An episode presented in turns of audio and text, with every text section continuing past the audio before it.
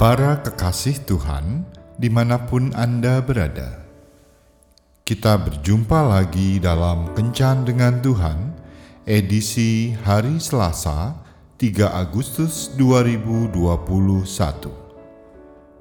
Dalam Kencan kita kali ini, kita akan merenungkan ayat dari Yeremia bab 17 ayat 7 dan 8.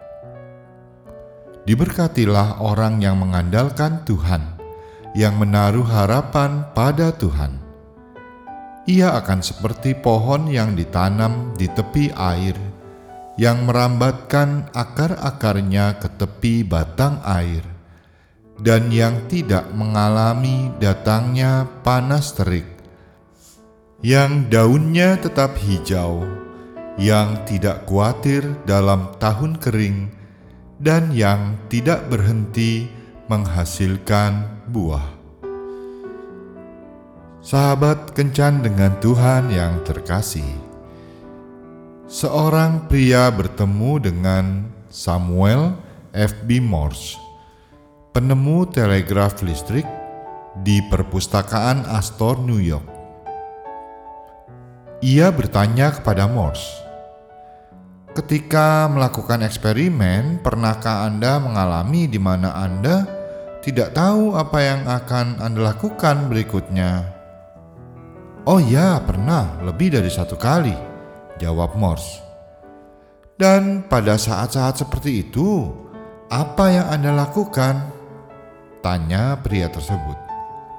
Lalu Morse menjawab, "Saya dapat menjawab Anda dengan penuh keyakinan."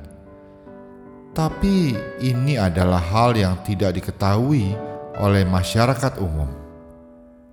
Ketika saya tidak dapat melihat secara jelas, saya akan berdoa untuk diberikan lebih banyak sinar. Yosafat adalah seorang raja yang selalu bersandar pada Tuhan.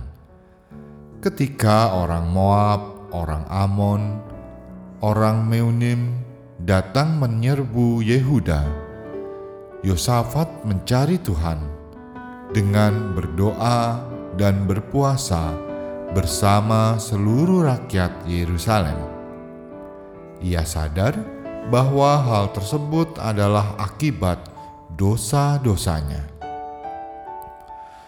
Karena itu, ia merendahkan diri di hadapan Tuhan dan berusaha mencari pertolongan Tuhan dan bukan kepada para Baal, seperti yang dilakukan oleh raja-raja Israel yang jahat. Akhirnya Tuhan pun bertindak, sehingga secara ajaib bangsa Yehuda dapat mengalahkan orang Moab, orang Amon, dan orang Meunim tanpa berperang. Ini menunjukkan bahwa Yosafat adalah seorang raja yang selalu mengandalkan Tuhan dalam hidupnya. Dan selama ia mengandalkan Tuhan, ia melihat mukjizat Tuhan terjadi di dalam hidupnya. Dalam kehidupan sebagai pengikut Kristus, hendaklah kita selalu mengandalkan Tuhan. Ketika kita sedang mengalami pergumulan hidup atau membutuhkan bimbingan dan petunjuk Tuhan dalam hidup kita, hendaklah kita datang kepadanya melalui doa-doa kita.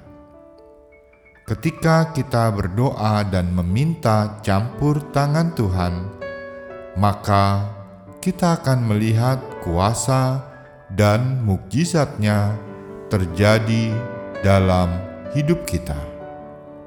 Tuhan Yesus memberkati. Marilah kita berdoa.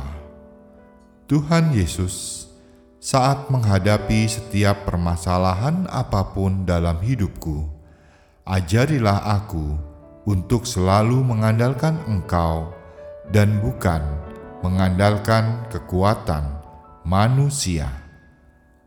Amin.